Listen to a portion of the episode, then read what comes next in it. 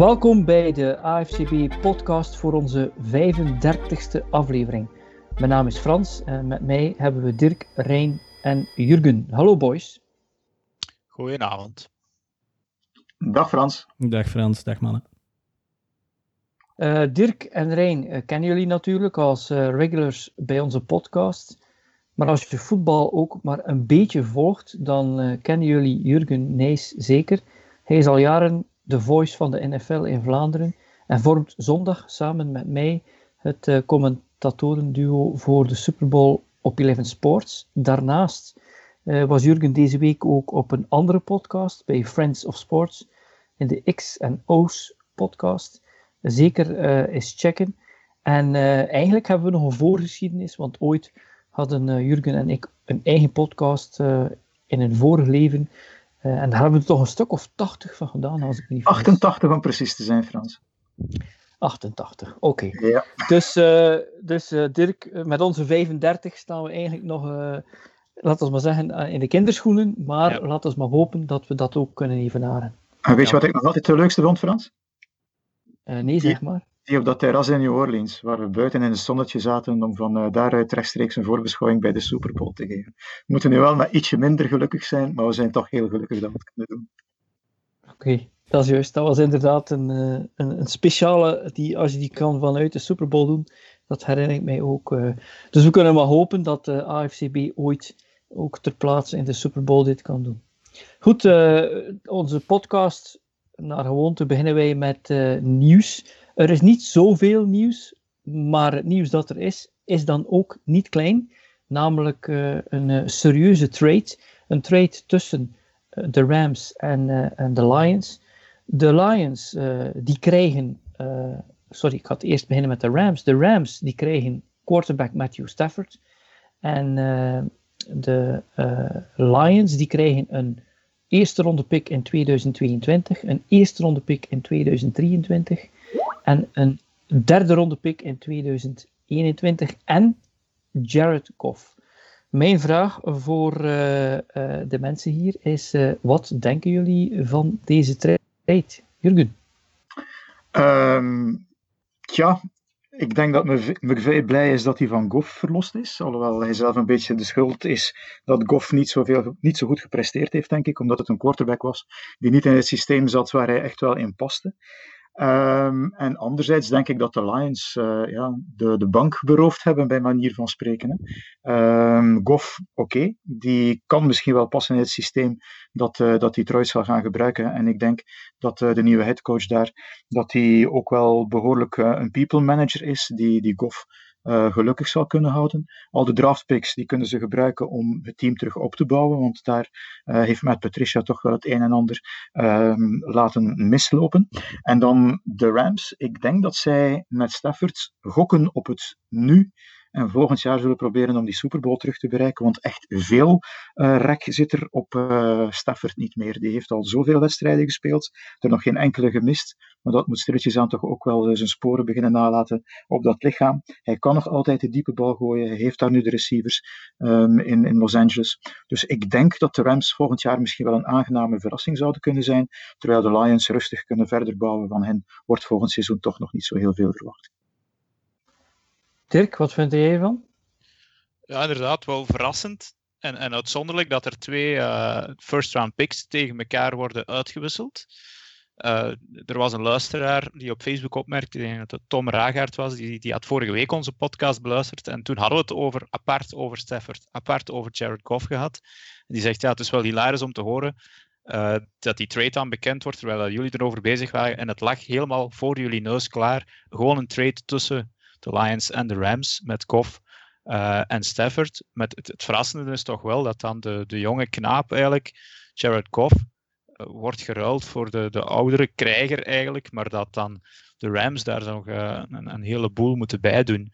dat zegt toch wel dat, dat, dat Jared Goff van zijn eerste ja, pick-status veel van zijn pluimen verloren heeft eigenlijk.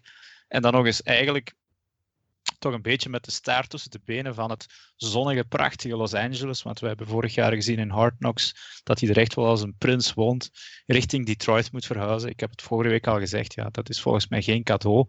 Maar het, het lijkt toch wel dat er serieuze barsten waren in het huwelijk tussen uh, Sean McVay en Jared Goff. Dus die was er precies toch ook blij dat hij vanaf is, maar dat hij dan naar Detroit moet gaan. Ja, ik weet niet of hij daar zo gelukkig is. Uh, dat, ja, een volledige rebuild van dat team. Voor 35 miljoen wil ik ook wel naar Detroit verhuizen. Ja, dat, is, dat was het verrassende. Dat, we, dat wij vorige week zeiden, wie gaat dat loon overnemen? Um, maar als we dan over, over het loon hebben bij de Rams, zitten ze pas met, een, met een, een groot probleem. Want ook Matthew Stafford had toch nog een redelijk zwaar contract. Dat is een heel top-heavy team, dus dat moet volgend jaar serieus nog gaan schaven. Met, met al, ja, ze hebben heel veel toppers die ze goed betalen, maar dan alle. Dacht dat het iemand zei in onze Facebookgroep dat we nog, uh, nog gemiddeld 800.000 eh, dollar per persoon om op dit moment over hadden om nog meer dan 40 mannen te betalen. Dus ja, dat zegt wel dat ze toch wel wat contractjes mogen gaan herschikken daar. Dus ik ben eens benieuwd. Het is een, volgens mij een do-or-die jaar voor de, voor de Rams. Ja, uh, de manier waarop ik het zie is, als je het van de kant van, van Stafford bekijkt, ja, die had eigenlijk nooit echt een running game, nooit echt een top defense. Uh, en dat heeft hij nu wel. Want receivers heeft hij wel gehad in zijn carrière. Um, en aan de andere kant, als je het van de Goff-kant bekijkt, ja, het is toch wel duidelijk dat McVeigh denkt van, uh, dit is niet de speler die mij in de vierde quarter van belangrijke wedstrijden een, een, een, een trofee gaat, gaat bezorgen. En vandaar, ja, en mensen vragen mij zo, soms ook, of, of vragen naar zich af, Waarom uh, die twee first round picks? Wel, ja, één van die first round picks is misschien uh, voor Stafford, maar één, die heb je gewoon ook moeten geven, omdat je Jared Goff zijn contract overneemt. Ja, klopt. Uh, dat hebben we nog eens gezien, lang geleden, of lang geleden. Wie was dat weer? quarterback van Texas naar Cleveland. Klopt dat? Of van de Broncos? Die, die, die backup quarterback was bij de Broncos in Super Bowl 50. Carson die dat nee. nee. Nee, nee, nee. Die voor een monstercontract uh, uh, daar bij de Houston zat en die is dan naar Cleveland vertrokken. En Cleveland ja, die heeft dat ook gewoon overgenomen en kreeg daar picks voor. Dus dat is niet de eerste keer. Wat er wel heel raar is voor de Rams, en ik denk dat dat ook heel raar moet zijn als je fan bent van dat team. Uh, 2017 hadden ze geen first round pick, want dat hadden ze weggegeven om Goff te, trade, te, te, te draften. 2018 uh, hadden ze geen first round pick, was hadden daarmee Brandon Cooks, receiver van New England, uh, genomen. 2019 ook geen first round pick. Uh, eh, 2020 en 2021 geen first round pick voor Jalen Ramsey. En 2022 en 2023 geen first round pick voor Matthew Stafford. Dus first round picks zijn niet echt belangrijk bij de Rams, ja. als ik het zo zie. Maar je moet die mannen dus kunnen betalen. Hè? Dat is waar ik mij wat zorgen over maak. Uh, Aaron Donald, Jalen Ramsey, nu Matthew Stafford, uh, Cooper Cup. Dat zijn de mannen van het grote geld allemaal. Dus uh, ja, ik, ik hoop dat de grote winnaar van deze trade is duidelijk Matthew Stafford voor mij. Ja, maar is het ook niet zo als je normaal gezien in de eerste ronde één of meerdere spelers kan draften? Dat zijn tamelijk zware contracten vergeleken met vierde ronde en zo. Maar dat zijn geen zware contracten als die na twee, drie jaar beginnen op te brengen. Dus nee. dat is dan iets waar de Rams geen voordeel uit halen. Nee, ja, het valt te bekijken uh, hoe, hoe dat het daar gaat aflopen. Uh, ik, het zou me niet verbazen, inderdaad, zoals dat Jurk net zei, dat volgend jaar de Rams een, een team zijn om serieus rekening mee te houden. Want de QB was er gewoon het, het, het zwakke punt. Ja, en zeker ook als je ziet wat er bij Seattle allemaal gebeurd is ondertussen. Offensive coordinator die ontslagen is. Uh, daar komen ook behoorlijk wat barsten in, uh, in het panzer. Um, ja, we zullen zien hoe het gaat met de 49ers. Want uiteindelijk daar uh, Salah, die nu in, bij de Jets zit, die moet dus ook een nieuwe defensive coordinator beginnen. Daar zal het daar wel, wel wat beter gaan met, met de blessures, veronderstel ik, volgend seizoen. Maar toch, ja, het is een, een, een divisie die serieus in flux is momenteel. Ja. ja, het gerucht door de ronde dat uh, Shanahan geïnteresseerd is in, in, Cousins. Wat hij al was voor hij Garoppolo heeft binnengehaald. Ik dus heb ja. dat ook gelezen en dan uh, serieus met een, een wenkbrauw opgetrokken, eigenlijk, eerlijk gezegd. Maar die moeten dan toch iets in zien dat ik niet zie. Maar... Ja, Cousins is heel dependable, hè? maar is ook misschien zoals Goff niet iemand die dan jouw team gaat uh, in een two-minute drive de, overwinning bezorgen. Dat is het misschien. En die Stafford, die heeft dat dan waarschijnlijk wel. Goed, uh, dat is het nieuws over de trade. Uh, dan hebben we nog een nieuwsje, maar dat had eigenlijk wel grote gevolgen kunnen hebben. Frans, mag ik nog even tussenkomen? Ja, zeg maar. Het kan, het kan nog altijd dat een van beide teams zich bedenkt. Hè? Want uh, de trade is maar officieel op 17 maart. Ja, Als een van de twee op dat moment zegt van ja, misschien liever toch niet, dan, ja, dan hebben we nu eigenlijk uh, een tiental minuutjes uh, omzonst gepraat. Hè? Ja, oké. Okay. Het zou kunnen zijn dat ze zeggen, we hebben nu toch nog eens gekeken. We vinden dat uh, Goff zijn ogen, zijn ogen te dicht bij elkaar staan. Dat is niet goed Zoiets. voor de quarterback. Ja. Zoiets. Het kan, hè? Het kan nog altijd. We hebben, al, we hebben al rare dingen zien gebeuren in de NFL. Zulke dingen zouden mij ook niet verwonderen dat die opeens nog gebeuren. Wel, we hebben ooit uh, McDaniels mid-air uh, horen terugvliegen terwijl hij richting Indianapolis ging, om dan toch de coachingjob niet te nemen. Dus ik verwonder mij over niks meer. Nu, het andere nieuws, ik zeg het, het had een klein nieuwsje kunnen zijn, maar het had eigenlijk hele grote gevolgen kunnen hebben. Blijkbaar slaagden ze erin bij de Chiefs. Dus we zitten niet met een normale Super Bowl week natuurlijk. De Chiefs die blijven heel lang in uh, Kansas City voor ze richting Tampa trekken. maar Kilgore, een speler van de Chiefs, in de facility, facility en Robinson buiten de facility, die zijn in contact gekomen met een kapper met corona. En dan vraag je jezelf af, hoe kan je dit eigenlijk laten gebeuren? Ik heb het verhaal gehoord, die man was regelmatig getest geweest. Dat was niet het probleem. Maar op een of andere manier was dat toch zo heel belangrijk om je, je, je haarsnit goed te hebben voor de Super Bowl, dat je eventueel zou kunnen uh, riskeren dat je bijvoorbeeld Mahomes besmet met corona. Dus geen idee wat de, de, de gedachtegang daarachter was. Eigenlijk wij mogen zo super blij zijn dat we een heel seizoen NFL gehad hebben. Oké, een paar uitwassen wel.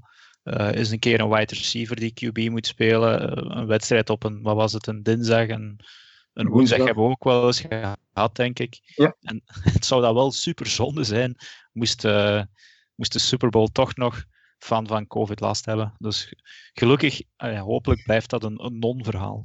Zou wel leuk zijn op Valentijn, hè? Super Bowl? Ja, nog een week later. Ja, als ze het echt gaan uitstellen. Show me some, show me some love.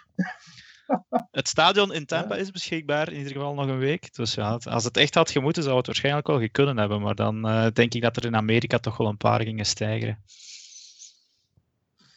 Oké, okay, goed. Uh, voor we met de Super Bowl uh, preview beginnen, hebben we nog een, uh, een stukje waar een van de redactieleden, namelijk Laurens, een vraag stelde tijdens de Zoom-call met uh, Anthony Hitchens, linebacker bij Kansas City. Die, die is er trouwens bij, Laurens. Die zit in het gesprek normaal. Laurens? Ja, ik ben er. ah, dus, dus kan hij het misschien een klein beetje inleiden? Ik heb uh, mij ingeschreven, een beetje een Hail Mary voor, uh, voor die, uh, die, uh, die, die Super Bowl uh, Zoom-interviews. En uh, daardoor, ja, bij Mahomes en Brady is het niet gelukt, maar bij Hitchens wel. Oké, okay, laten we eens luisteren. Next question is from Lawrence. Lawrence. Thank you. Um, actually, a question from Belgium, Anthony. Um, I would just like to know. Um, last year you were in the Super Bowl. Uh, obviously, this year again. Um, there's been differences in in terms of the, the COVID. Obviously, um, what are the big differences between uh, preparation in these two weeks before the Super Bowl last year uh, and this year, staying home obviously for a little bit longer? But what are other big differences? To be honest, uh, there's only one difference, and I just think it's less uh, distractions. Uh, this is normal week for us, uh, just practicing, going home. I mean, outside of the extra media time, because obviously it's the Super Bowl, but uh, I just think it's less distractions. The travel, getting your family there, extra hotel, staying there for a whole week, and things like that. Uh, I just, I think it's one like distractions that we have to worry about, so we can really focus on, you know, just the football part. And I think we've been taking advantage of that. So I just think it's less distractions this way. I know it won't stay this way forever, but this way I think it's more less direct, uh, distractions. Goed, dat was eh, het stukje die we dus eh, hebben kunnen krijgen via eh Laurens. Ja, voor ons is het natuurlijk ook speciaal. waarvoor dank, Laurens. Eh, normaal gezien kunnen wij, eh, als we ter plaatse zijn voor de Super Bowl, kunnen we natuurlijk eh, die gasten zelf eventueel interviewen en vragen stellen. En nu ja, kreeg je wel de kans om van over heel de wereld vragen te stellen. Vond het ook heel raar op een bepaald moment dat er iemand een vraag stelde aan een speler en dat volledig hijackte. Uiteindelijk was de vraag welk soort muziek rond Black Lives Matter heeft hem geïnspireerd. Maar eerst begon ze, eerst begon ze eigenlijk gewoon eh, bijna twee minuten te praten over alles dat gebeurd is deze zomer en met Black Lives Matter. En dan uiteindelijk ging het dan over, en je voelde die man was aan het nadenken over wat ga ik hier eh, antwoorden over dat onderwerp. En dan was het, welke Black Lives Matter muziek heeft je geïnspireerd? En ja, dan heb je dat natuurlijk ook soms zulke belachelijke vragen. Maar eh, Ja. Maar dat ja, wie, weet is het wel een, een, nieuwe manier echt van... eh, ik denk dat die spelers, zoals Hitchens het zei, die zitten er niet mee in dat het nu op deze manier gebeurt. Hè. Die, dat hele circus, dat kunnen ze volgens mij toch een beetje missen. En nu moeten ze daar eventjes voor een camera gaan kruipen. Moeten ze zich zelfs niet fysiek verplaatsen. Die zitten gewoon nog in... Volgens mij zaten die nog in, in Kansas City, ik kan mij vergissen. Dat Eh, is niet lastig gevallen door al die buitenlandse journalisten en die andere pestmuskieten die daar ronddraaien. Nee, maar wie weet hebben ze iets geopend eigenlijk. Hè. Maar ik, ja, ik hoop natuurlijk voor, voor jullie dat je er volgend jaar terug kunnen bij zijn. Eh, maar die, ja, Ja, je zegt, die spelers had er duidelijk niks mee in dat het zo gebeurt. Hè. Nee, wel, wij hebben dat, al natuurlijk al een paar keer meegemaakt. En eigenlijk is dat ook wel soms pijnlijk in die zin dat je daar dan eigenlijk spelers hebt die daar zitten. En die zitten daar dan, dan wel ook een uur. Sommigen op een riser, op een podium, sommigen rond de tafel. Maar heel veel van die spelers zijn niet of onbekend en worden ook gewoon niet aangesproken. Dus nu hebben ze alleszins toch het voordeel dat dat minder opgemerkt wordt, dat iemand daar eh, gewoon genegeerd wordt. Wel, dat valt dus wel op als je naar een interviewkamertje gaat en daar worden geen vragen gesteld. dat valt dus ook wel op als het stil blijft bij zo iemand. Maar het is inderdaad wel zo dat ze enkel die mensen op die, ja, in die kamers zetten waar, waar eh, vragen gesteld kunnen worden, die toch wel enige bekendheid hebben. Maar anderzijds, voor ons was het ook wel leuk daar om met die, eh, met die niet zo gekende spelers te praten. Want ik herinner mij dat we Tracy Porter konden spreken. Die was toen defensive back van de New Orleans Saints in Super Bowl 44. Die zat ook helemaal alleen in een kamertje. En eh, toen bleek dat hij Franse les gekregen had van een Belgische, van mevrouw Dutroux. En eh, die was daar vol lof over en die, die, die praatte daar voluit over. En dan wil dan het toeval dat eh, Porter de laatste paas onderschept van, van Manning, die dan eigenlijk beslissend is om eh, die Super Bowl 44 in de definitieve plooi te leggen. En achteraf zijn we dan nog tegen het lijf gelopen toen hij van het veld kwam. En was het ook van, Madame Dutroux will be proud of you. En hij herinnerde het zich nog en hij zag ons ook.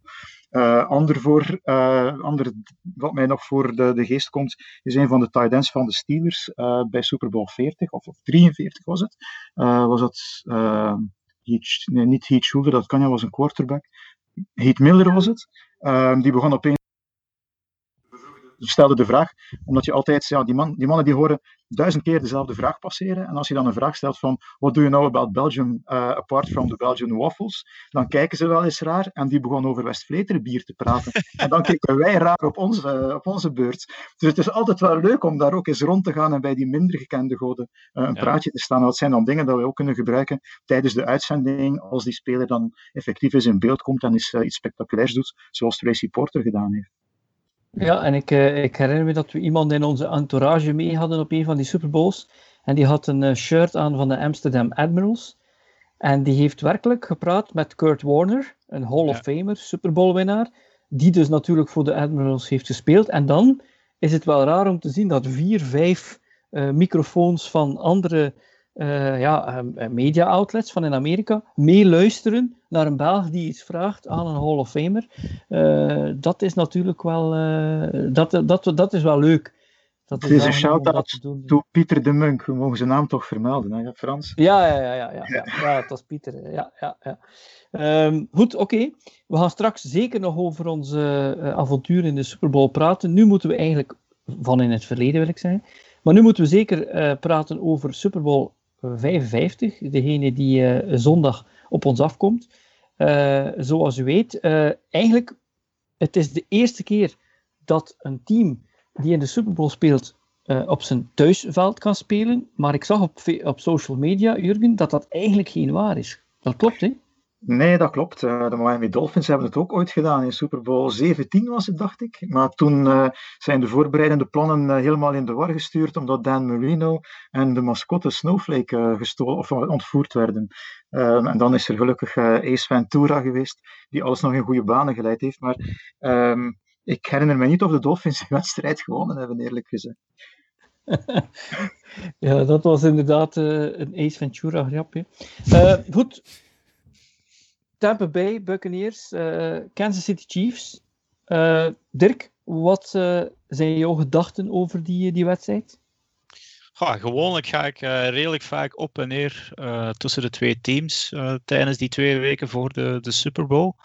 Maar nu zit ik toch al, al echt al, al tien dagen te denken van ik zie geen manier waarop dat de Chiefs deze wedstrijd kunnen, kunnen verliezen. Eh, dus ze zijn drie punt favorieten, maar je zal misschien in mijn previews gezien hebben, of in mijn, eh, mijn, mijn, mijn, mijn gok van de score eigenlijk, dat ik eh, de Chiefs een zware overwinning geef eigenlijk. Om, omdat ik, ik zie net overal de sterktes van de Chiefs ten opzichte van een, een, een ja, relatieve zwakte van de Buccaneers. En dan de sterktes van de Buccaneers, die dan weer eigenlijk minder van pas komen ten, ten opzichte van de Chiefs. Dus ik verwacht eigenlijk een, een, een tweede opeenvolgende Super Bowl overwinning van de Chiefs. Terwijl dat, dat wel heel uitzonderlijk is in de geschiedenis. Blijkbaar is het nog maar ehm, ja, ik moet kijken wat ik zeg met Jurg erbij, die gaat dat weten. Zeven of acht keer, denk ik, gebeurd. Het zou de achtste keer zijn. Ja. Het zou de achtste keer zijn, kijk. Uh, dus het is wel degelijk uitzonderlijk. Maar ja, je zag het dan ook aan die... die uh, je hoorde misschien daarnet, Hitchens. Die, voor die mannen is het het tweede jaar op rij. Nu met relatief minder uh, stress waarschijnlijk dan vorig jaar door COVID en door het feit dat ze twee jaar achtereen al naartoe gaan. Het is een heel hecht team en ik volgens mij bij de Buccaneers uh, zijn er toch heel veel, die volgens mij, ook omdat het thuis is met die druk, um, buiten misschien Brady zelf dan, we gaan er toch moeilijk mee hebben volgens mij. Dus ja, ik, ik verwacht eigenlijk een, een, redelijk zware overwinning van de Chiefs. Ik hoop natuurlijk op een, een leuke wedstrijd, maar ja, ik, wil, ik wil zo dadelijk die, die sterkte en zwaktes nog wel eens naast elkaar zetten. Maar ik, ik denk dus dat het naar de Chiefs ga, gaat gaan. Jurgen? Um, wel, ik heb uh, het genoegen gehad om voor uh, AFCB de NFC South te mogen previewen. En ik heb toen mijn uh, voorbeschouwing van Tampa Bay afgesloten met het feit dat Led Zeppelin de partituren voor Stairway to Heaven al aan het aanpassen was naar Stairway to Seven.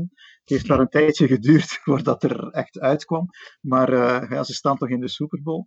Nu, um, wat uh, die druk betreft, er zijn inderdaad maar zes spelers die al een Super Bowl gespeeld hebben bij Tampa Bay. Maar onderschat Brady niet. Die is al een hele tijd aan het prediken. Wist Chris Godwin te zeggen gisteren. Uh, dat ze moeten opletten dat ze niet emotioneel zijn. Dat ze die emoties niet de bovenhand mogen laten krijgen en zo. Um, dus ze, zitten wel, ze worden wel goed begeleid wat dat betreft. die spelers van, van Tampa Bay. Maar zoals Dirk ook zegt. Het probleem zit hem misschien in die verdediging. Hoe gaan ze al die wapens kunnen tegenhouden? Als we zagen in week 12 dat Hill al meteen goed was voor 203 yards in het eerste kwart en twee touchdowns, terwijl Carlton Davis uh, toch zowat de beste cornerback is die ze hebben. Zet je daar dan een safety bij, maar wat doe je dan met Kelsey op het midden? Uh, Brian Pringle, die is ook uh, opeens tevoorschijn gekomen, net zoals uh, Michael Hardman. Um, de wapens van Mahomes die zijn bijna ja, onbeperkt. En, en neutraliseer je de ene, dan, dan kan de ander komen. Het enige waar ik een beetje schrik voor heb voor, voor Kansas City is de offensive line. Mitchell Schwartz, uh, de rechter tackle, die mist al een heel deel van het seizoen met een rugblessure. In de AFC Championship game is ook nog eens Eric Fisher uitgevallen, de linker tackle. Dit wordt de eerste playoff-wedstrijd voor Mahomes zonder Fisher. Um, daar zal waarschijnlijk Wisniewski of Wiley in de plaats komen. Wisniewski heeft ook wel de nodige ervaring, maar er is een reden waarom hij mocht vertrekken vorig jaar bij de Chiefs naar Pittsburgh ging. Daarna drie maanden bedankt werd voor bewezen diensten. En dan op de practice squad kwam terug bij Kansas City. Um, als je daar dan die verdediging tegenover je hebt met, uh, met Sue, uh, met Barrett, uh, met White die af en toe eens de neus aan het raam komt steken, dan, ja, dan zou het wel eens kunnen dat die offensive line Mahomes niet de nodige tijd kan geven die hij nodig heeft om die gevaarlijke wapens uh, te, te bereiken. Dus wat dat betreft denk ik dat het, ja, dat, dat de enige kans is voor, uh, voor Tampa Bay om echt die druk te zetten op Mahomes. Maar dan zal er iemand nu zeggen van, heb je de statistieken al gezien van Mahomes als hij onder druk staat? Ja, die ja. heb ik gezien. En dan weet ik ook dat die, dat die behoorlijk indrukwekkend zijn. Um, maar ja, het is gewoon een nieuw type quarterback dat we te zien krijgen met Mahomes. Dus ik kijk er eigenlijk naar uit hoe die wedstrijd zal verlopen. En net zoals Dirk hoop ik dat we een spannende wedstrijd krijgen. En dat het geen blowout wordt. Um, ja, maar ik, ik, kijk er, ik kijk er echt naar uit. Um, hoe, uh, hoe de defensive coordinator, de problemen zal oplossen van in week 12. En, en hoe Andy Reid en, en Eric Bieniemy daar nu met een ander, een ander plan zullen komen, uh, wat Bols nog niet gezien heeft en hoe hij daarop zal kunnen inspelen. En dan kunnen we nog verder gaan met Steve Spagnuolo, de defensive coordinator van de Chiefs, die blijkbaar ergens een geheime formule heeft om het Brady lastig te maken in de wedstrijden dat hij tegenover een verdediging staat van, uh, van Spagnuolo. Dus ja, er zijn zoveel insteken uh, die we in deze voorbeschouwing zouden kunnen bekijken, dat we makkelijk twee of drie podcasts zouden kunnen vullen, denk ik. Ja, ik, ik maak me dus inderdaad wat zorgen, zoals dat Jurgen al, al, al eigenlijk een beetje aanwijst, van ja, de, de Buccaneers die hebben heel veel QB's onder druk kunnen zetten en helaas ook uh, mijn tussen haakjes QB Aaron Rodgers van de Packers in de championship game met, met, een, ja, met wat blitzes, met veel druk. En dat is inderdaad net wat aan Mahomes, wat hij daarbij niet moet doen blijkbaar. Je moet hem niet blitsen, want dan, dan, dan, dan, dan, dan vindt hij de gaten wel in de covers. Dus je moet ja, misschien drie, max vier rushen en, en dan de rest in coverage laten zakken. Maar dat is niet het spel van de, van de Tampa Bay defense op dit moment. Dus daar maak ik mij dan wel zorgen over. Van, ja, kijk, dat is een zwakte van de, of een sterkte van de, van de Buccaneers. Maar dan, dat is net geen dat Mahomes eigenlijk ah ja, het liefste heeft, zal ik maar zeggen. Dan krijgt hij oké minder tijd, maar wel meer ruimte. En, en ja, zo, zo, zie ik dus aan de andere kant van de bal ook weer. Oké, die defense is uh, dezelfde kant eigenlijk nog wel. Uh, de safeties van de, de, de Buccaneers zijn alle twee op dit moment nog geblesseerd, Winfield en, en Whitehead. En dat zijn toch twee cruciale mannen van, van die diepe ballen van Mahomes. Dus ah, ik, ik, ik, ik vrees een beetje dat die sterke defense van de Buccaneers hier niet helemaal uit de verf gaat komen, omdat ze net, ja, de puzzelstukjes passen niet voor hen. Dus ja. ja wat, je, wat je ook ziet is, uh, uh, de Chiefs die hebben wel hun les geleerd toen ze in uh, week 12 de Bucks eigenlijk wegbliezen in de eerste helft, maar Brady bijna voor een comeback zorgde. Ja. dat betekent, de Chiefs gaan gewoon keihard en efficiënt doorgaan en no mercy tonen. Want eigenlijk, als je hun, hun seizoen bekijkt, soms was het een beetje een lijzige manier van spelen. In de zin van een beetje een kat die, die met een muis speelde. En dan als de muis een beetje dichter kwam, dan plotseling de jetpack aanstak en hup, en de match was gewonnen. Als je dat in de Super Bowl doet, dan mag je dat vergeten als aan de andere kant Brady staat. Wat ik dan ook denk aan de kant van, van de Bucks is dat Brady eigenlijk zich, uh, die zal dat niet mogen doen wat hij vorige week heeft gedaan. Die onderscheppingen. Nee, nee. Als, uh, als de Chiefs, als hij maar één onderschepping gooit, de Chiefs die gaan dat cash betalen. Die gaan niet uh, het op safe spelen om dan eventueel daar een field goal uit te halen. Of, de Chiefs die gaan ervoor. en natuurlijk zijn wel, dit zijn wel twee toevallig coaches die een beetje hetzelfde type zijn. Want men vergeet natuurlijk dat uh, Andy Reid met de, met de Eagles ook heel veel keren in de playoffs en ver geweest is en een Super Bowl heeft verloren. En dan werd net de manier waarop hij coachte en de manier waarop hij was, werd hem kwalijk genomen. Dat is de reden dat hij geen Super Bowl wint. Hij, is te, hij heeft te veel risico's. Hij, het is te veel no risk it, uh, no, no risk it biscuit, no biscuit, no risk it. Zoals nu ook uh, Arians zegt. Um, en Arians heeft gewoon ook aangegeven dat hij al van in het begin van zijn voetbalcarrière, dat hij dat ook altijd heeft ingepeperd gekregen. Uh, dit spel is voor mensen die durven. Dus dat, dat kunnen we dan eventueel wel zien.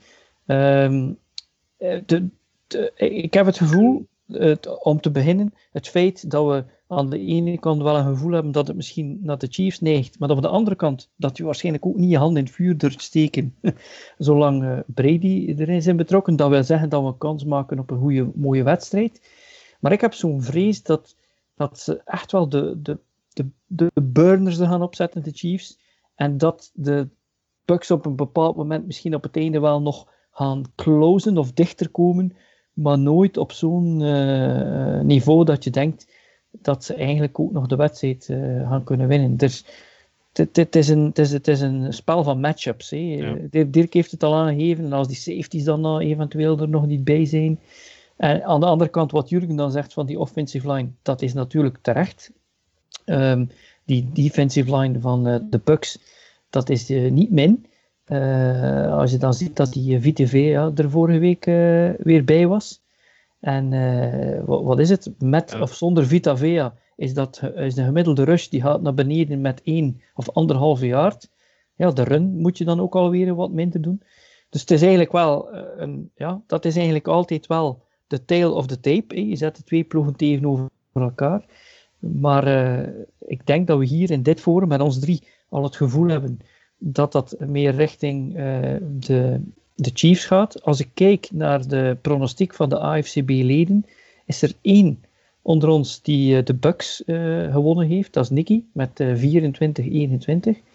Maar dan Alexander, Chiefs 27-23. Tim 37-27 voor de Chiefs. Rijn 38-31 voor de Chiefs. Lauren 36-31.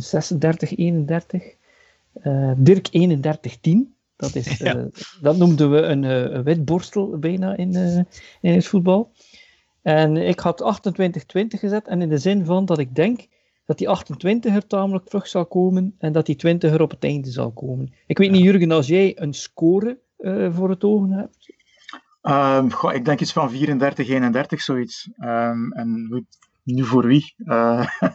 Dat is, uh, dat, daar ben ik nog altijd niet uit eigenlijk. Uh, omdat er, zoals ik daarnet zei, zoveel verschillende insteken zijn. En, en ja. Um, nu, ik heb op de, in de groep van, van, 11, van 11 Sports NFL heb ik een foto van mezelf gepost met het, uh, de maquillage van, van de Buccaneers, maar dat was beter omdat dat wit beter uitkwam bij mijn baard dan het geel en het rood van de Chiefs. uh, maar laat ik mij houden bij die Stairway to 7 en 34-31 voor, uh, voor, ja. voor de Tampa Bay Buccaneers. Ja. Oké, okay, maar ik dacht, ik dacht dat je gewoon na 20 jaar een knieval voor, uh, voor Brady deed, nu dat hij niet meer bij de Patriots is. Nee, Frans, maar herinner je nog halfweg het seizoen toen we met onze Franstalige collega's aan het praten waren? Met Anthony, die een, een, een Patriot-fan is en een Brady-fan, die was al bezig, Anthony Koppie, van ah, hij heeft de verkeerde keuze gemaakt, waarom is hij niet bij de Patriots gebleven en dergelijke. Want toen, ja, toen ging het slecht, ze verloren drie, op de vier drie van de laatste vier wedstrijden voor ja. de break, waaronder die laatste tegen, tegen de Chiefs. En toen heb ik hem ook gezegd van, je vergeet één ding, dit is nog maar de twaalfde wedstrijd die Brady met die spelers op het veld staat. In wedstrijdomstandigheden, geef hem de tijd om te groeien. Ja, en, en dat is uiteindelijk ook gebleken, hè. Uh, na die wedstrijd, um, ja, eigenlijk tijdens de rust van die wedstrijd, denk ik dat er iets veranderd moet zijn. Want sindsdien, die tweede helft, die hebben ze gewonnen van de Chiefs. Als je de, louter op de punten kijkt die ze gescoord hebben. En sindsdien hebben ze geen enkele wedstrijd meer verloren. Ik heb een heel leuk artikel gelezen deze week. Um, ik weet niet meer, ik denk dat het van The Ringer was. Uh, waarin Brady omschreven wordt na die wedstrijd. Hij zit aan een bar in zijn eentje. Giselle zit thuis met de kinderen. Hij is een whisky aan het drinken aan die bar. Hij neemt de laatste slok, is aan het denken van waar loopt het hier verkeerd? Heb ik effectief niet de verkeerde keuze gemaakt? Hij zet het lege glas neer en zonder dat hij iets vraagt, wordt dat glas teruggevuld. En hij kijkt op en daar staat de barman. En die barman, dat is dan Bruce Arians. En Bruce Arians die zegt, wat scheelt er? Vertel een keer. En Brady vertelt en Arians luistert en samen komen ze tot, tot een conclusie van oké, okay, um, Arians, ik hou te veel vast aan mijn diepe bal, aan, aan, aan mijn strategie. Ik zou inderdaad beter luisteren naar jou. Wat wil je nu precies? En daaruit komt dan die nieuwe Tampa Bay offense. Wat trouwens best mogelijk is, dat verhaal. Want ik weet niet of jullie dat weten, maar Bruce Arians, toen hij quarterback was bij Virginia Tech, speelde hij zaterdagmiddag. En zaterdagavond stond hij aan de bar aan de bedienende kant, niet aan de bediende kant. En stond hij daar als barman. En moest hij ook luisteren naar de mensen die daar hun hart aan het luchten waren en aan het klagen waren over het feit dat hij de wedstrijd middags verloren had. Dus ik bedoel maar, het is een heel mooie uh, omschrijving van wat er zou kunnen gebeurd zijn. En dan zag je inderdaad, als ze na die bye week terugkwamen, dat er meer uh, play-action in zat. Um, dat, dat Brady meer, uh, ook met die bewegingen voor de snap, dat die meer in die offense verwerkt waren en zo. Dat er eigenlijk een, een soort blend gekomen is van die twee offenses. En dat het dan ook moeilijker was voor de tegenpartijen om in te schatten van wat zal er nu precies gebeuren. Um, dus ja, ik heb geen knieval gemaakt voor Brady. Heb ik nooit gedaan. Ik heb het altijd tegen de Patriots gehad, niet tegen Brady persoonlijk. Um, en dat is als Miami Dolphin van. Niet om wat, ze deden op het veld en zo, want uiteindelijk, ja, um, ere wie ere toekomt. Als je zes Super Bowls kan winnen, uh, er negen kan spelen, uh, tien nu in 19 jaar, dan, dan beteken je wel iets natuurlijk.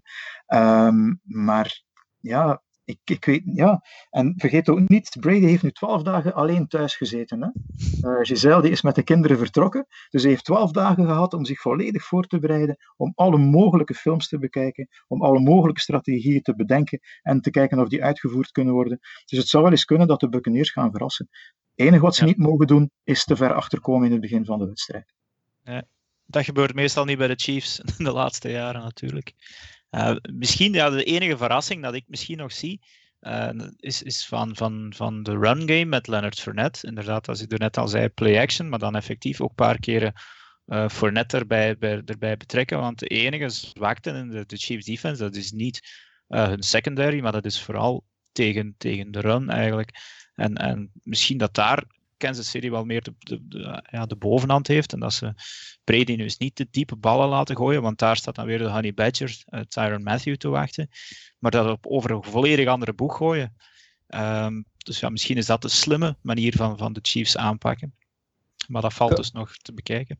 Zou het kunnen zijn ook in de aanloop naar deze wedstrijd dat wij natuurlijk uh, ons concentreren op de ene die 7 en 1 kan, uh, uh, die 7 kan winnen en Mahomes 1 of kan 6-2 worden, uh, de quarterback, zou het ook wel eens kunnen zijn dat dit een wedstrijd waar zelfs een defensive MVP kan uitkomen. Een Frank Clark bijvoorbeeld, die, uh, die, die, die Brady neutraliseert. Of een Devin White, die weer off the chart speelt. Zou dit kunnen?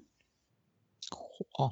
Ja, Jurgen, zeg jij maar. Want, uh, ja, als inderdaad, als die verdediging van Tampa Bay erin slaagt om Holmes het leven echt zuur te maken, dan zal denk ik de persoon die de meeste seks kan, uh, kan laten noteren, dan zou die wel eens MVP kunnen worden. En dan zou ik ook Jason Pierre-Paul niet vergeten, want die hebben we nog niet vermeld. En die, had, die heeft toch ook wel een uh, bepalende rol gespeeld in de wedstrijd tegen de Green Bay Packers. Ja, ja. Misschien, misschien kan die inderdaad een handje toesteken. En dan maar... dat zal pun intended geweest zijn waarschijnlijk. Hè? Inderdaad, ja, het zal er één moeten zijn, want die andere heeft hij uh, kwijtgespeeld in een, in een vuurwerkongeluk. Nee, maar het is wel een heel indrukwekkende speler. En, ja, het is die hele lijst eigenlijk van de Tampa Bay defense, als je die namen van boven naar van onder leest. Het begint dan bij een document Sue. Uh, ik heb gewoon schrik van die vent. Uh, ja, het, het, is, het, is, geen propere speler, maar ook gewoon ook een, een hele grote tank. En dat gaat dan over Jason uh, Pierre-Paul, Devin White, uh, Shaq Barrett. En dan ja, die safeties, dat valt er dan nog maar te, bekijken dat die er zullen zijn. Uh, wat zou kunnen, hè, dat, we, dat we een low-scoring game krijgen, maar niemand verwacht het wel. Dus ik, ja, battle in the trenches, ik denk het niet. Maar wie weet pakt een van de coaches uit met een... Ja, dan zal het dan toch Bruce Arians moeten zijn. Een verrassende ja, gamekeuze. Maar als je ziet, dus we kennen de coaches, ja, Reed, ja, ik weet het. Hey, ja. uh, Reed en, en Arians, dat, dat zijn uh, topcoaches die risico's durven nemen, die de alles, alle waters doorzwommen hebben. Dus dat, daar hebben we een idee van dat we zeggen dat ze elkaar in evenwicht houden. Dan hebben we de, de twee quarterbacks die natuurlijk top zijn. Dan hebben we de offenses die toch wel degelijk wat wapens hebben. Defense, we vermelden net, dit zou ook wel eens kunnen dat, dat het daaruit komt, het gevaar. Maar dan hebben we natuurlijk één ding over het hoofd gezien. Uh, dat uh, de kikkers, dat zou nu wel eens teams. kunnen uh, de Achilleshiel zijn van beide dat, teams. Correct of niet, de kikkers? Ik heb, ik heb dat genoteerd. Dat Butker heeft toch een iets langere leg, of ja, been zoals dat ze zeggen. Hij kan vijf jaar langer trappen dan, dan Suckup, die eigenlijk ja, dit jaar terug opgepikt is. En Butker uh, hoort bij mij bij de beste kickers echt van van de league. Dus dat zou wel eens een verschil kunnen zijn. Langs de andere kant hebben de special teams van de Chiefs ook al wel redelijk wat fuck-ups gedaan de laatste tijd. Of ja, vorig jaar, vorige week nog met, uh, met Harmon die dan weer zo'n een, een punt muft. Oké, ze maken het nog wel goed, maar dat zijn dingen die cash kunnen betaald worden. Maar qua kickers zou ik dan de Chiefs zeker de bovenhand geven. Oké. Butker heeft wel behoorlijk wat extra punts gemist ook. Hè. Als je rond die buurt van de 32 yard komt om je field goals te trappen, dan eh, zou ik als Chief eh, supporter toch wel mijn hart vasthouden. Terwijl Dus, dus dan hoop je erop, eh, als je een Chiefs fan bent, en je hebt een field goal van de 33, dat ze delay of game doen, vijf yards verder, en dat hij dan Ja. misschien wel kan kicken. Nu, wat, eh, wat de Buccaneers betreft, die hebben Chris Bonial als, eh, als kicking coach. Hè. Ze zijn een van de weinige teams in de NFL die een gewezen kikker hebben als coach voor een kikker. En ik heb gisteren nog het interview eh, beluisterd eh, van, van Ryan Suckup. En de vraag die ik eigenlijk in gedachten had om te stellen, werd toen effectief ook gesteld als laatste vraag. Van als kikker met zoveel jaar ervaring, want hij is ooit als eh, Mr. Irrelevant door de Chiefs gekozen als laatste in de draft van 2009. Dus hij is in zijn elfde seizoen. Als je al zoveel ervaring hebt, ja, hoe sta je er dan tegenover dat daar opeens een kikker komt die jou komt vertellen hoe jij de bal moet trappen? En Suckup zei van, eh, ik sta daar heel erg voor open, want soms zijn het de kleine details die het verschil maken. En Bonio, die staat mee aan de zijlijn, die bekijkt ook die details, die komt mee voor de wedstrijd op het veld, die kijkt ook windrichting en dergelijke meer. En soms zijn het die heel kleine details die een groot verschil kunnen maken. En als je ziet eh, wat Suckup eh, gepresteerd heeft dit seizoen, dat is helemaal niet slecht, en ook in de playoffs niet. Hij moest die ene field goal trappen tegen de, tegen de Packers, was er een van 50 yards. Dat is het enige wat hij in die wedstrijd gedaan heeft, maar heeft hem wel overtuigend tussendoor getrapt. En dat toont het, het vertrouwen waarmee je staat te spelen. Dus ik denk dat we daar ook in evenwicht zitten qua Butker en, en Suckup. Maar het zal dan, zoals Dirk zegt, de special team zelf. Ehm, als daar geen domme dingen gebeuren, ja, dan eh, ja, een van de twee zal het misschien wel doen. Iemand die denkt van ik moet hier de held spelen, zoals Hardeman eh, in, eh, in de championship game. En ja, dan, dan ben je gezien natuurlijk. Goed, ik, ik denk dat eh, onze luisteraars heel wat informatie van ons krijgen, dat ze wel doorhebben dat de meerderheid van de AFC-redactie neigt naar de Chiefs, maar dat we ook wel het gevoel hebben ja, dat er zoveel variabelen zijn, zoveel dingen zijn, dat het, dat het inderdaad misschien wel weer een, een hele spannende en, en leuke Super Bowl zou kunnen zijn. Eh, en zo hebben we er al veel gehad. En daar willen we nu toch eventjes eh, wat eh, down memory lane gaan. Want ja, we hebben toevallig eh, nu enkele mensen in de podcast die er wel wat ervaring mee hebben. En eh, ja, Jurgen, eh, mijn eerste vraag naar jou is: eh, hoeveel Super Bowls heb jij gezien? Dus eh, op gelijk welke manier? En, en, eh, en welke was je eerste? Ik heb, wel, de eerste die ik gezien had was eigenlijk een samenvatting. En dat was Super Bowl 15 op ITV in The World of Sports op zondagmiddag. Ehm, en sinds 19 heb ik eigenlijk geen enkele meer live gemist. Oké, eh, ik zit in dezelfde situatie, niet in dezelfde situatie, sorry. Ik ben ooit op het American Football pad gebracht eh, door jou, eh, waarvoor nog altijd mijn eeuwige dank. En het was ook Super Bowl eh, 19, eh, de eerste die ik gezien heb. En dat wil zeggen dat ik er ook 37 gezien heb. Ehm, hoeveel Super Bowls heb jij al gepresenteerd voor het eh, Vlaamse publiek? Dit wordt mijn 24ste. 24. Ja, Oké, dus dat is eigenlijk nog eentje en dan zit je aan een, een jubileum. ja inderdaad. Eh, sinds 30 heb ik er slechts twee gemist. Dat waren 38 en 39. Gewoon omdat toen niemand in Vlaanderen eh, interesse had om die Super Bowls uit te zenden. Oké, ik, heb er, ik heb er 13 gedaan, dus ik heb nog een, eh, eventjes eh, nodig om dat bij te benen. Dat zal waarschijnlijk wel nooit lukken. Je hebt er ook eh, een paar Super Bowls ter plaatse al gedaan. Een paar maal zes, 12. 12, dus Ja. 12 keer de Super Bowl ter plaatse. En eigenlijk, ja, de vraag die ik daar rond heb is: heb je daar een, een leuke herinnering of een leuke anekdote aan een van die Super Bowls als je ter plaatse was? Ehm, wel, wat ik daarnet al vertelde, dat interview met Tracy Porter, of dat gesprek met Tracy Porter, is altijd wel leuk natuurlijk. Ik heb zo ook de kans gehad om Julian Edelman eh, bij Super Bowl 51 voor mijn eentje te hebben. Eh, want iedereen was vertrokken en hij zat er nog. En toen heb ik hem kunnen vragen of hij met elf speelde, omdat hij ook een fan was van mijn favoriete speler in de tijd, Jim Jensen van de Dolphins. Maar hij zei, heeft een team uit Florida, ik ben uit Californië, helemaal niet. Uh, stel voor. Dus het was een klein beetje ontgoochelend, dat wel. Um, maar anders, ja, de, de leukste herinneringen.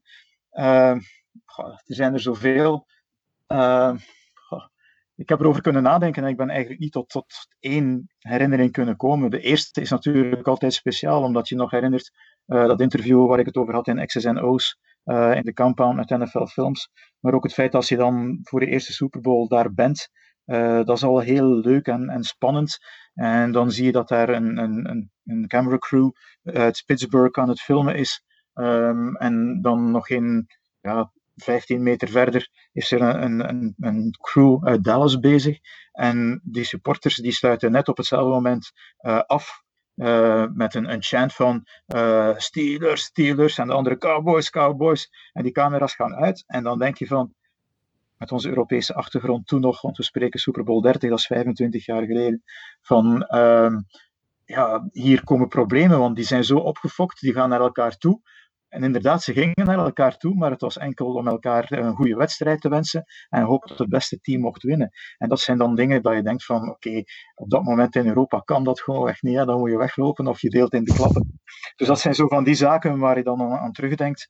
Um, de, de halftime show van Super Bowl 31, ik heb het er ook over gehad, met de Blues Brothers, ZZ Top en, uh, en James Brown in één show.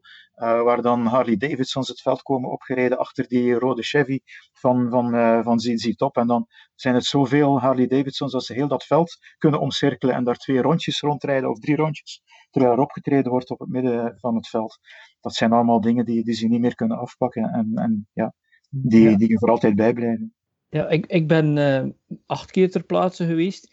En eigenlijk, ja, wat dat voor mij wel betekent is, je denkt gewoon bij jezelf, dit zou ik eigenlijk wel als job willen doen. Uh, uh, de beatwriter zijn van een team, op televisie presenteren, analyse doen. Je voelt gewoon, wat ik nu hier deze week doe, dat zou ik eigenlijk mijn job willen voor, voor maken. En wat betreft voor speciale anekdotes. Ja, we hadden in de tijd een podcast, Jurgen, en nu hebben we weer één. Uh, tijdens de Super Bowl is er altijd Radio Row. En daar zitten dan alle soorten televisie- en radiostations. En dan kunnen mensen eigenlijk ook die naar de NFL Experience gaan, daar doorlopen en die, die, die, die, die bekendere mensen zien. En ik, ik heb daar gesproken en een interview gedaan met Dave Dameshek, uh, een, van de bekende podcasters van NFL Media. Chris Wessling van Around the NFL. de hele eerste Super Bowls toen ik daar was, uh, daar waren dan mijn helden van de jaren 80 en 90, die waren in de pers. Dion Sanders, Dan Marino, die waren daar als persmensen. En dan zit je soms ergens in een tent te eten en dan zit gewoon 10 meter van jou iemand die jij op televisie hebt zien de Super Bowl spelen. Dat, dat, dat, dat is bijna niet ja, te bevatten. En ik heb ooit uh, het volgende ook gedaan. Uh, de dag na de Super Bowl is er een persconferentie. S'morgens om 8 uur, als ik me niet vergis. Ja. En dat is voor de MVP. Uh, en uh, de MVP en ook de winning coach, als ik me niet vergis, die komen daar. Dus uh, wat er natuurlijk gebeurt, is dat 90% van de perslui die zijn al vertrokken direct na de Super Bowl s'nachts met, een met een vliegtuig. En ik ben daar eens naartoe gegaan. Peter Manning had gewonnen. En ik vond het wel heel speciaal dat er daar vooraan nog zoveel plaats was. En ik zette mij neer op een stoel. En naast mij uh, kwam dan Peter Manning, Manning zitten. En uh, kwam de commissioner zitten. En ik zei dan tegen Manning, ja, proficiat. Dus ik zat waarschijnlijk op de verkeerde plaats. Maar uh, wat ook nog grappig was, ik dat, als ik in Super Bowl 50 was, liep ik in die catacomben voor de wedstrijd in San Francisco. En er passeerde zo'n golfkart met mensen op. En ik keek zo en ik, ah, ik, ik zeg, tja, dat is like, en ik herken een speler en nog een speler. En dan komt nog een golfkaart en ik, shit, vlug mijn, mijn iPhone nemen of mijn en beginnen foto's nemen. Totaal niet meer aan gedacht dat alle Super Bowl MVP's waren uitgenodigd op die Super Bowl 50. En die kwamen dus allemaal langs bij mij. En ja, ja had dus gewoon een who van de NFL van de laatste ja, 49 jaar, mag je zeggen die, die kwam, daar, uh, kwam daar langs. Dus uh, dat zijn zo'n soort dingen. Ja, als je spreekt over halftime show, Jurgen. We hebben ooit uh, Prince zien in de heat in de regen die halftime show doen. Ja. ik dacht dat dat playback was. Bleek later dat dat niet zo was. Als je dat dus nu op YouTube ziet, kan je dat bijna niet bevatten wat Prince daar doet in de heat in de regen. Um, wat je ook hebt, is, is, mensen uit de entertainmentwereld, die leunen heel erg aan bij, uh, bij voetbal. Snoop Dogg bijvoorbeeld, die is ongelooflijk uh, fan van, uh, van American football. Die heeft ook zijn eigen jeugd, jeugdteam. Coach? Snoop. Ja. coach Snoop. Maar wat je niet mag, wat je niet mag ver- vergissen, die kerel is dus een atleet. We hebben ooit Snoop in een, eh, in een, eh, tackle, in een eh, sorry, flagvoetbal, een beach flagvoetbal wedstrijd gezien. Die man heeft drie touchdowns gevangen van Montana of iemand anders. Dat, die kerel had gewoon eh, ja, waarschijnlijk voetbal kunnen spelen. Zijn zoon heeft het geprobeerd. Maar het was meer onder druk van zijn vader, denk ik. eh. En dan heb ik één keer mijn, eh, mijn, mijn, mijn, mijn moment de gloire gemist. En dat is eigenlijk gewoon omdat ik niet handig ben, waarschijnlijk. New, Cam Newton verliest de Super Bowl met de Panthers tegen de Broncos.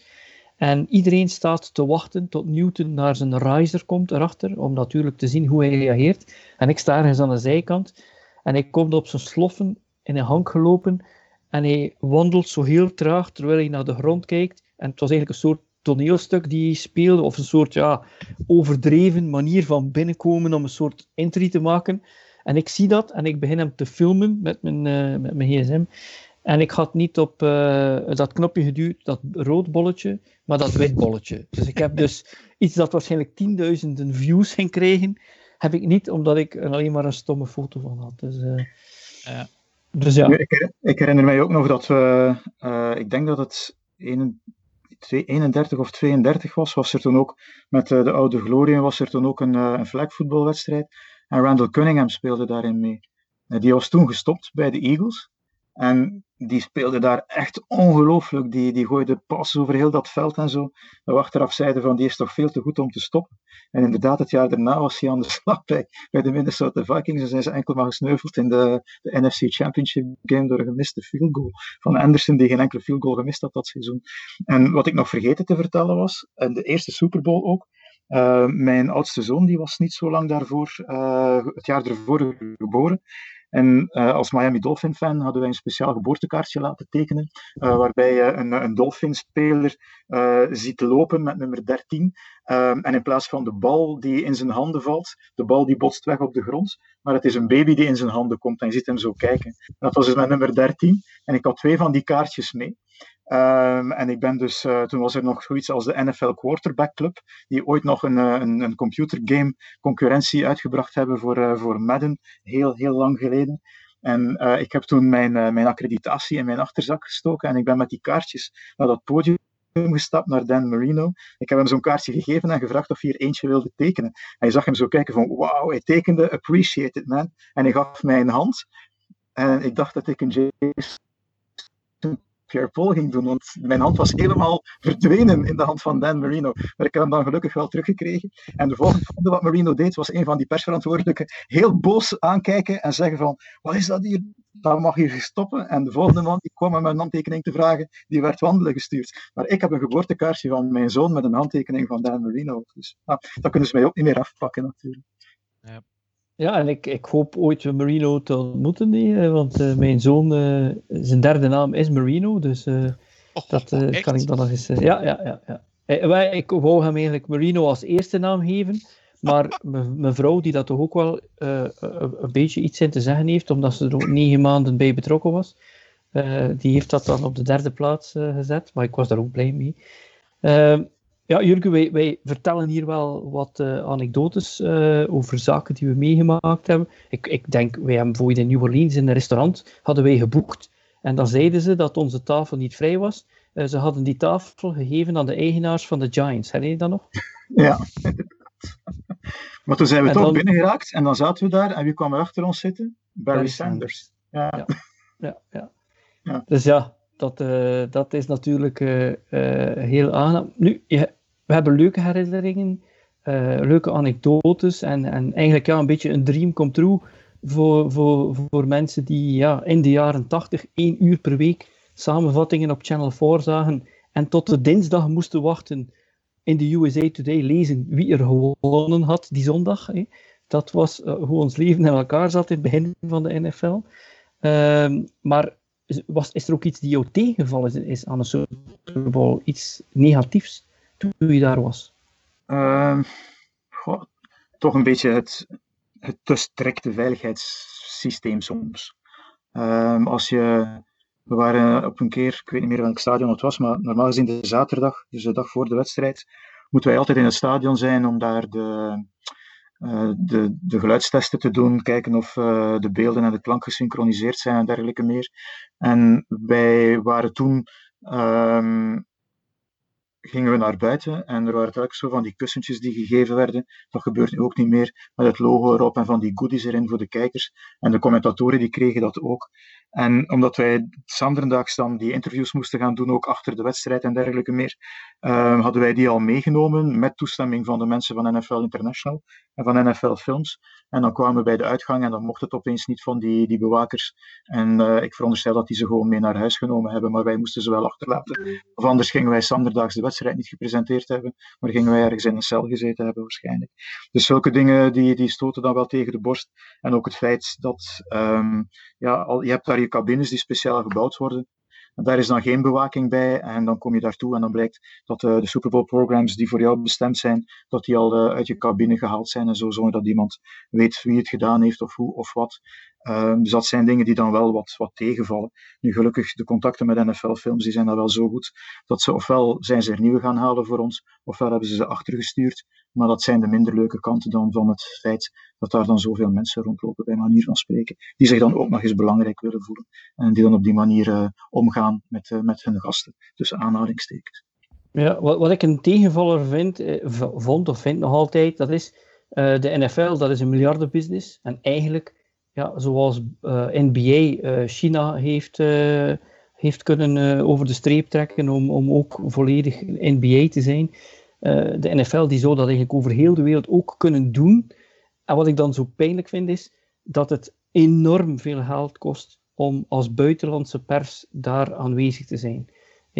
Dat wij dat wij dat dan vernemen ook van, van de mensen die, die, die daar mee omgaan in, in de verschillende firma's waar wij mee gewerkt hebben, dat dat budget om ons daar naartoe te sturen, dat dat enorm is ten opzichte van uh, als ze dat bekijken met, met voetbalwedstrijden in Europa. En dat vind ik dan spijtig. Als de NFL de wereld wil veroveren, dan zou ik net zeggen, laten we ervoor zorgen dat er hier een 30, 40 tal plaatsen zijn voor landen waar we de NFL groot willen maken. En dan mag dat een klein land als België zijn. En dat vind ik dan spijtig, dat dat, dat, dat iets te veel kost eigenlijk om, om, om daar te krijgen. Ze zijn bezig met China hoor. Je hebt geen half uur, drie kwartier moeten wachten uh, om de accreditaties op te halen die daar klaar liggen voor je. Maar dan komt er opeens iemand van de NFL voor je en die moet dan voor 50 Chinese accreditaties hebben die nog niet in orde blijken te zijn. Dus dan, uh, dat heb ik wel al meegemaakt. Dus ja. die Chinezen, ze zijn er wel al op dit moment, wees er maar zeker van. Uh, Dirk, ik heb jou al een tijdje niet gehoord. Wat was de eerste Super Bowl die jij gezien hebt? Ja, ik heb naar jullie zitten luisteren. Hè. Dus uh, ja. met interesse. En als jullie volgend jaar of het jaar daarna iemand nodig hebben om jullie koffer te dragen, dan bel je maar. um, maar Welk nummer heb je getrokken, Dirk? ja, er zullen nog wel kandidaten zijn, uiteraard. Um, nee, mijn eerste Super Bowl, en toen woonde ik uh, juist een jaar in Amerika, is ik zal in, in Jurgensen termen spreken, Super Bowl 35. Dus dat is in het jaar 2001 was dat dan. Uh, Giants Ravens. Giants Ravens, inderdaad. En dus ik, ik was ter plaatse, dus ik heb heel die dag dan beleefd daar. Uh, met, met de build-up, met, met al je snacks. En dan krijg je een wedstrijd die een volledige blowout was eigenlijk. Uh, dus dat viel eigenlijk al tegen. 34-7 was het. Uh, ik, ik, herinner mij van die wedstrijd zelfs heel weinig spelers. Ik, ik, moest opzoeken wie dat de QB nu weer was van de Ravens. Dat was dan uiteindelijk Trent Dilfer. Trent en Kerry Collins bij de andere zeker, hè? Ja. De Giants. En, en ja, vooral Ray Lewis, uh, de defense van de, de, de, Ravens was toen, toen vermaard met, met Ray Lewis. Uh, dus, dus, maar dat was eigenlijk in een, in een periode dat ik, uh, ik zat toen niet te ver van St. Louis. Dat, dat uh, die streek was nog wel een beetje fan van de Greatest Show on Turf van de, de Rams met Kurt Warner en Marshall Falk, die toen het jaar ervoor gewonnen hadden en het jaar daarna ook nog uh, de Super Bowl gewonnen hadden. Uh, dus dat was een beetje die periode. En, en ja, het jaar daarna is eigenlijk de. de dat, is, dat is zo ver in het verleden al, maar het jaar daarna is, is de eerste uh, Patriots Super Bowl eigenlijk. Um, ja, met, met, waar, ook, waar ook van gezegd wordt dat ze vals gespeeld hebben. Hè? wow. ja, ja ze, ze, hebben de laatste training van de Rams gefilmd in het stadion, blijkbaar.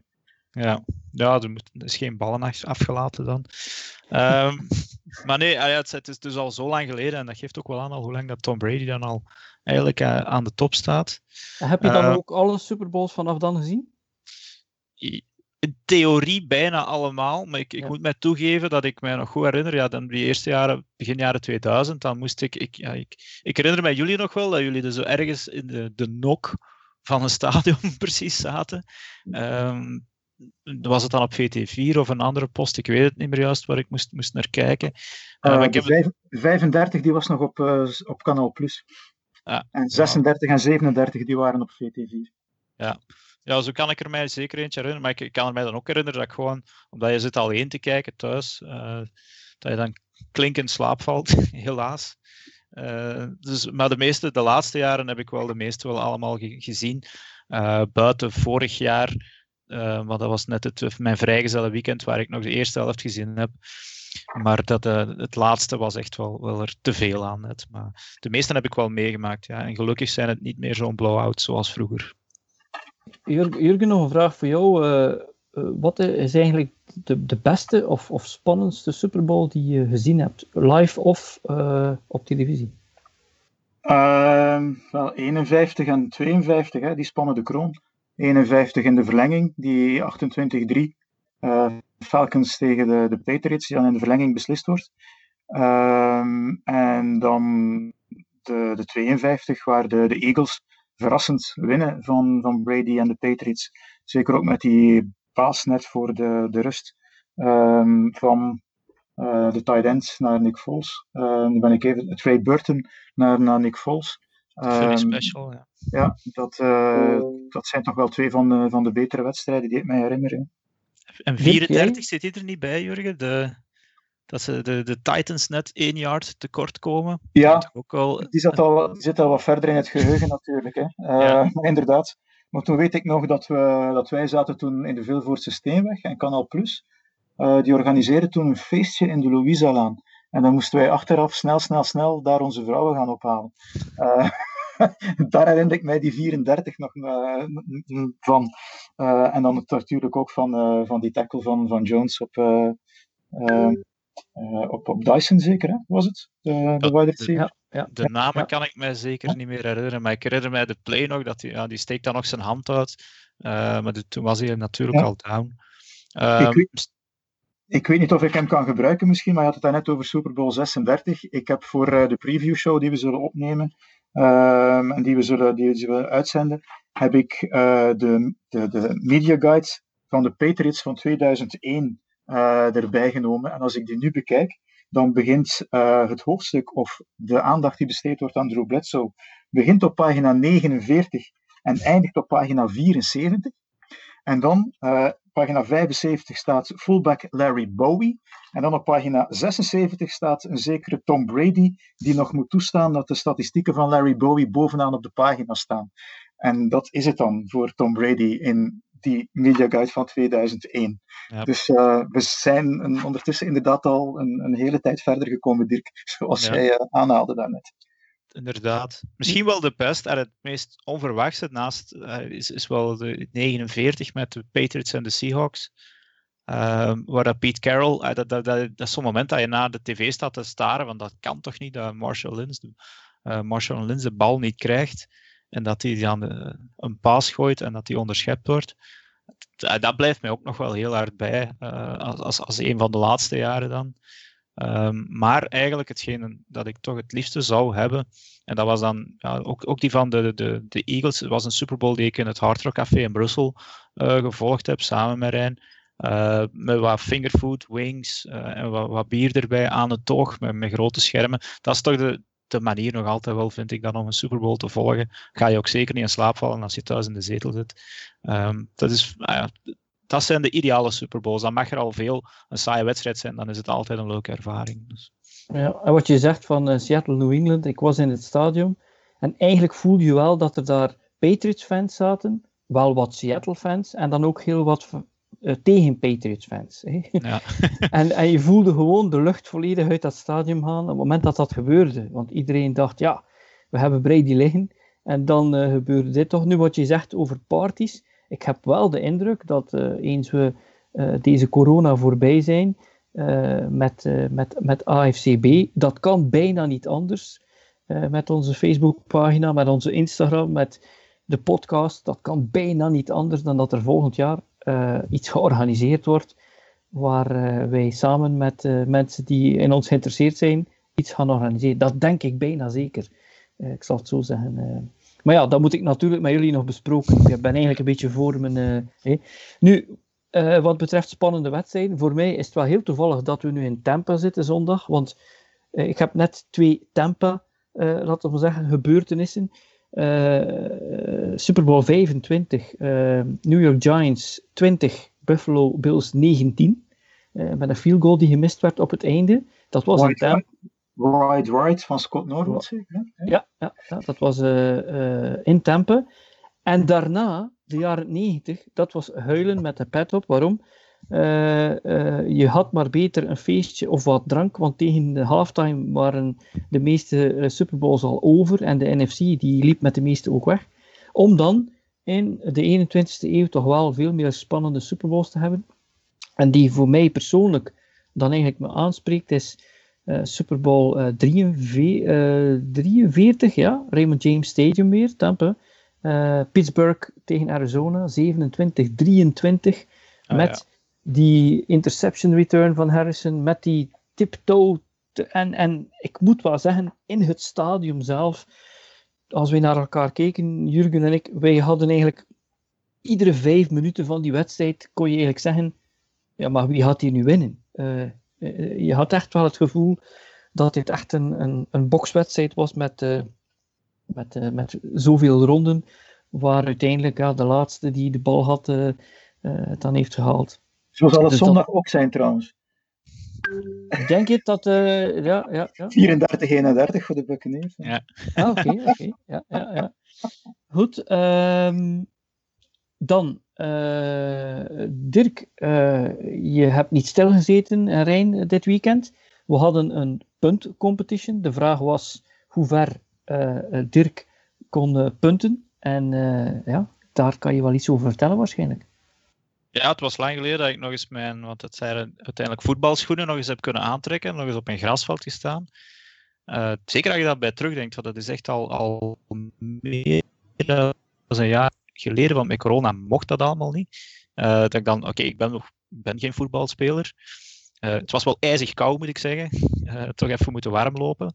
Eh, en dan een paar oefenkicks gedaan. En dan heb ik toch gemerkt van hoe dat de meeste NFL-spelers trappen. Dus de traditional kick, daar kwam ik niet echt ver mee. Dat is echt nog wel meer techniek dat er aan, toekomt, eh, aan, aan te pas komt, denk ik. Dus ik ben maar voor de, de rugby-style kick gegaan, zoals een, een keeper uittrapt. Eh, en uiteindelijk heb ik toch bij mijn eerste poging, die ging redelijk goed. Wat dat veel mensen misschien geen rekening mee gehouden was, van ja, het is geen pads, er komt niemand op mij af. Uh, en en ik, de bal mocht ook nog een beetje verder rollen. Uh, Oké, ik had geen geweldige bounce, maar die ging toch wel tot, dan, tot ruim over de helft van het veld van waar ik trapte.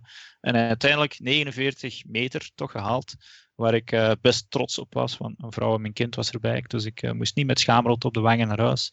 En dat was uiteindelijk 54 yards.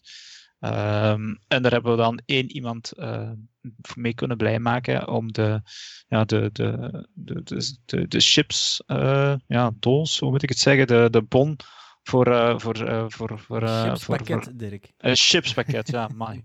Ik, uh, ik zat hier helemaal in de war. En Raf Trog, die had uiteindelijk op Instagram uh, bij de preview, het, ja, die zat er denk ik pal op ja. met, uh, met, met 54 yards. Dus uh, ja. Ja, en die chips kwamen niet uit de lucht gevlogen. Van wie kregen Van amerikashop.be, dus onze sponsor ja. die de laatste weken ja. dingen heeft aan ons heeft kunnen laten weggeven. Waarvoor onze grote dank. Um, maar ik, ik, was aan het denken, hè, we gaan dat ooit misschien nog wel eens doen. En dan moeten we misschien eens iemand, en dan denk ik aan jou Frans, eens een bal laten gooien. Zoals bij die, die QB's bij de Pro Bowl. Maar die zal onderschept worden, jongen. Je weet toch dat mijn, dat mijn uh, echte naam Frans Pixix Heuvik is? ja, we laten... na elkaar in dezelfde match. ja. Ja, ja, we, we laten hem, we laten jou gewoon in de verte gooien en dan ben ik eens benieuwd. Nee, uh, uh, ik, ik, weet niet. Het was wel eens leuk om te doen. En uh, zeker voor herhaling vatbaar. Als we zo nog eens een gimmick kunnen doen, gaan we het zeker niet laten. En dan hopelijk na coronatijden dat dat niet op een eenzaam veldje moet. Oké, is goed. Ehm, goed, we komen bijna aan het einde van eh, deze podcast. Maar we hebben nog een verrassing voor onze luisteraars, die eh, dan straks ook misschien kijkers eh, kunnen worden. Eh, we gaan deze week een test doen met eh, Facebook Live. En dan gaan we eh, voor de Super Bowl met de AFCB ja, podcast, laten we maar zeggen, of de AFCB Media, gaan we een Facebook Live doen. Ehm, dat zal ruim voor de Super Bowl zijn. En de kans bestaat ook dat Jurgen en ik vanuit de studio's van Eleven ook eventjes een acte de présence doen in die, eh, in die Facebook Live. Dus ik denk wel dat dit eh, heel interessant is voor mensen van onze pagina en die naar onze podcast luisteren, om op, die, eh, op een interactieve manier met ons te kunnen omgaan voor eh, die Super Bowl. Ja. Eh, daar gaan jullie ook bij zijn waarschijnlijk. hè? Ja, we gaan, we gaan morgen al eens een testcase doen. Dat we niet zondag eh, zomaar uit de lucht komen vallen als er dingen zouden mislopen. Morgen om, om, om, om 9 uur s'avond gaan we al eens eh, een, een test doen. Dat zal, Zondag, eh, ja. ja, ja dat, inderdaad. Ja. het is ja. vandaag woensdag als we dit opnemen. Het zal dan voor de luisteraars vanavond zijn. eh diegene die het eh, op donderdag al te horen krijgen. Dus om 21 uur, 9 uur zullen we wel eens een testcase gaan doen. En dan gaan we ook uh, alles een kort gesprekje hebben met Laurens, ook een kleine preview op de Super Bowl. Maar inderdaad, zondag gaan we dan echt eens proberen live te gaan. Uh, en dan in interactie met de, de, luisteraars en kijkers. Want ja, de meesten zullen toch noodgedwongen thuis moeten zitten. En ik, ik weet het, die laatste uren voor de Super Bowl moet je dan toch kunnen overbruggen. En dan, wat kunnen we dan beter doen dan uh, even nog met elkaar discussiëren, eens kijken wie wat verwacht van de wedstrijd en ja, hoe dat het gaat lopen. En we gaan ook eventjes naar jullie dan in de studio, als het lukt, om eens te kijken hoe dat jullie ja, de wedstrijd voorbereiden. Ik kan misschien Goed. ook al uh, met een, een, een, een, première afkomen. Um, hou zeker ook de Eleven Sports NFL groep in de gaten en uh, de Facebookpagina van Eleven Sports. Want vanaf zaterdag uh, start daar een speciale actie rond het feit dat Eleven het Watch Together app ge gegeven heeft, waarbij mensen samen kunnen kijken van op afstand naar een wedstrijd. En gezien heel het corona gebeuren, zal de social media afdeling van Eleven een wedstrijd organiseren, waarbij mensen die met dat Watch Together gegeven samen kijken en daar de mooiste foto van maken en dat dan doorsturen. daar zullen zij dan een winnaar uitkiezen die een game shirt kan winnen. Uh, dus die actie die start zaterdag uh, op de Eleven Sports NFL groep en waarschijnlijk ook op de Eleven Sports gewone Facebook groep. Um, dus hou het zeker in de gaten wat je precies moet doen om daaraan mee te doen. En misschien als jij de leukste en origineelste foto kan maken met jouw gezelschap, dan kom je in aanmerking om zo'n game shirt te winnen. Dus hier al even de première wat dat betreft. En ook, ook interessant om te vermelden is dat uh, Game Pass de vorige jaren telkens gecrashed is tijdens de Super Bowl. dus uh, als je dat wil vermijden, kijk dan op Eleven Sports zondag. En uh, tijdens de breaks, er zijn heel veel breaks in American football, verzorgen wij ook inhoud. Dat wil zeggen dat Jurgen en ik over bepaalde onderwerpen gaan praten, zodat we ook wakker kan blijven. Zelfs al zijn er eventjes wat, wat breaks.